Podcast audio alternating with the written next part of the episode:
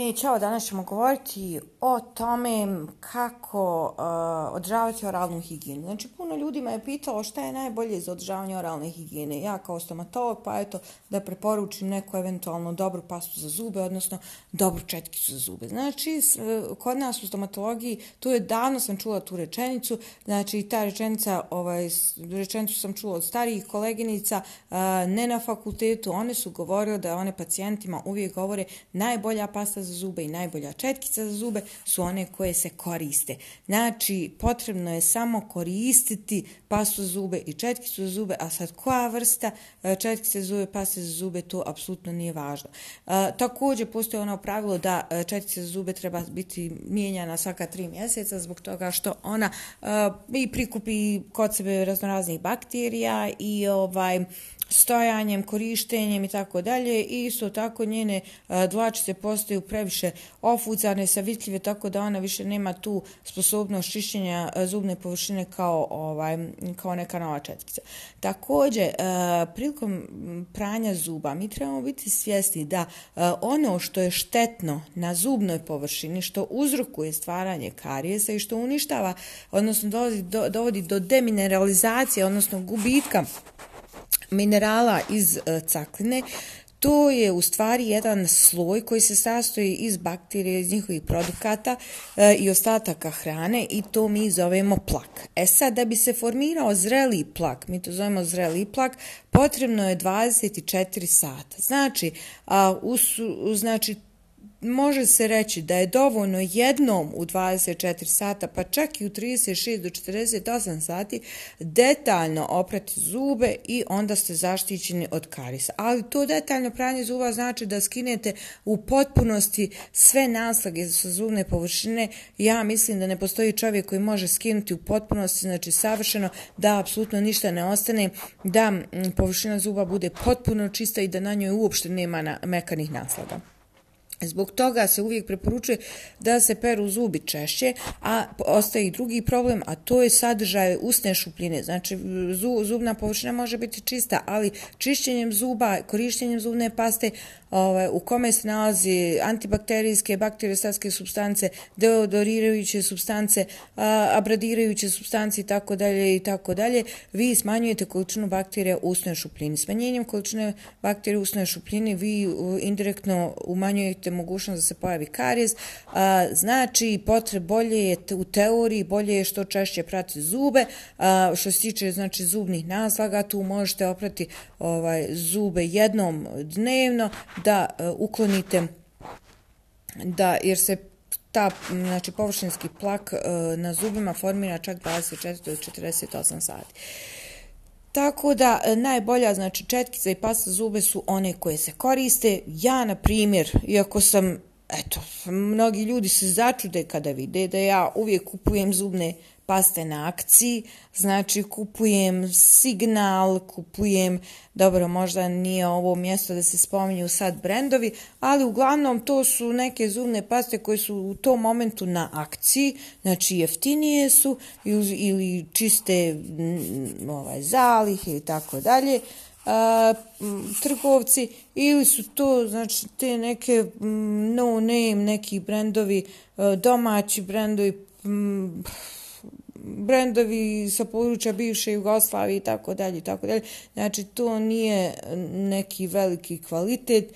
Jedino što treba izbjegavati to su one paste koje u sebi sadrže granulice jer se pokazalo da su te granulice u stvari ja sam tako čitala sad da li je to istina, navodno veoma opasne jer su to bukvalno ovaj, komadić neke štetne substance čak mislim da sam negdje pročitala da je to plastika. Znači, nisam sigurna šta, šta je u tim granulicama, ali znam da a, ne treba koristiti tu vrstu pasti za zube, jer vi u pastama za zube imate abrazivna sredstva koja nisu tolike krupnoće, a koja su sasvim dovoljna da očiste temeljito površinu zuba.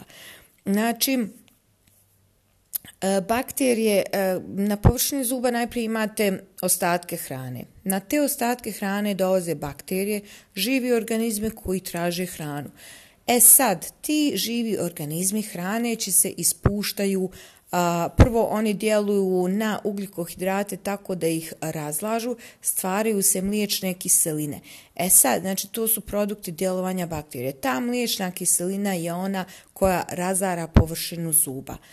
A, znači, mliječna kiselina dolazi do de, demineralizacije, odnosno do uklanjanja kalcija i fosfata iz cakne. A, kada cakna izgubi kalcij i fosfat, ona omekšava, ostaje samo ona, um, znači, ono što ostaje od nakon a, znači, nakon ostranjenja kalcija i fosfata ostaje samo ona neki mekani matriks i to je ono što razara sami zub. Znači, trebamo se protiv karijesa boriti korišenjem pasti za zube i četkica za zube. Što češće peremo zube, to je bolje. Ima jedna uh, opasnost kod ljudi koji su previše savjesni, a to je mogu se pojaviti od četkanja zuba, oštećenja površine zuba u vidu, mi to zovemo erozije, uh, to su kao neke klinasta udubljenja na, obično na, na vratnom dijelu zuba i obično kod kutnih zuba, to su očnjaci. A, I dolazi također do oštećenja sluznice, odnosno gingive. Gingiva ide prema um, vrhu korijena zuba, dolazi znači do ogoljavanja korijena, odnosno do oštećenja potpornog aparata zuba. Potporni aparat zuba, tu, tu vam spada gingiva i um, ovaj, periodontalna vlakna koja se nalazi između e, korijena zuba i zubne čašice. Sad ta periodontalna vlakna postoje vertikalna, kosa, horizontalna, ne znam, ovakva, onakva, cirkularna, nebitno, znači to vam je periodonci, odnosno potporni aparat zuba. Ukoliko kontinuirano aplicirate previše jaku silu prilikom četkanja zuba, vi ćete tu gingivu e, bukvalno svući sa zuba, um, ukoliko to radite dovoljno dugo i dovoljno uporno i dovoljno snažno, znači nije dobro da aplicirate neku prejaku silu prilikom četkanja zuba. Znači, postoji razno razne tehnike za četkanje zuba, rotirajuća, uh, cik-cak tehnika, ne znam, um, tehnika ovaj, ribajuća tehnika i tako dalje, tako dalje, preporučuje se um, tehnika kružnih pokreta a, u smjeru od gingive prema inciz, prema samoj kruni zuba, kako u gornjoj vilici, tako u donjoj vilici.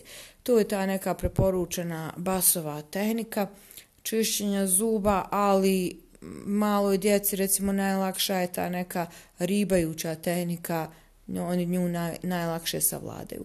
Ova je malo kompliciranija, a ja ne znam, mislim da svega 0,5% odraslih ljudi pere na taj način zube, mi, mi se najvjerojatnije držimo a, te ribajuće tehnike do duboko, do kraja života.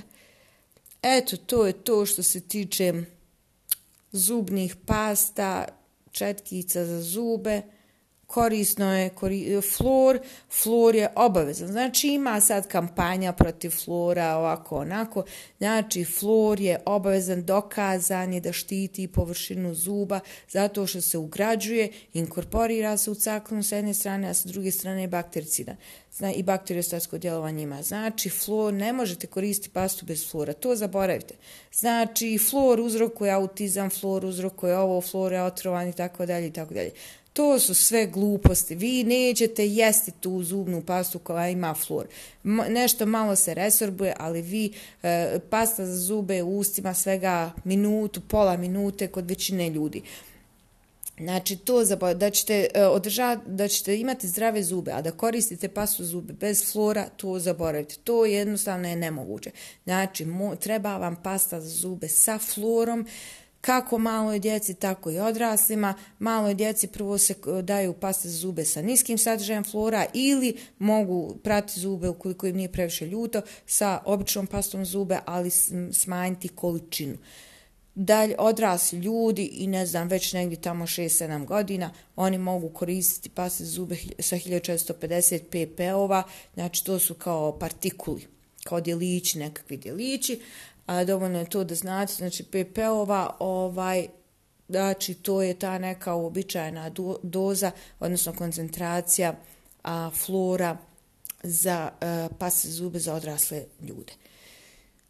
Eto, to je to o pastama za zube, o četkicama za zube, četkice za zube od prirodnih materijala, nemojte ih koristiti. Znači, na njima se sakupljaju bakterije, s obzirom da su to prirodni materijali, na njima se sakupljaju bakterije, one nisu higijenske, koliko god da vi njih držite, ovaj, pokuša, pokušate ih osušiti, a, svaka su, znači, bakterije ne vole suhoću, čim se površina neka osuši, one ne mogu da opstanu bez vlažne sredine bez vode, tako da one umiru. Međutim, bez obzira na sve, ta, taj prirodni materijal, on zadržava vlagu, zadržava bakterije, bakterije se na, se na takvim površinama a, više množe, više zadržavaju, duže se zadržavaju na prirodnim površinama, tako da te četke za zube nemojte koristiti. Eto, to je to. Zdravo!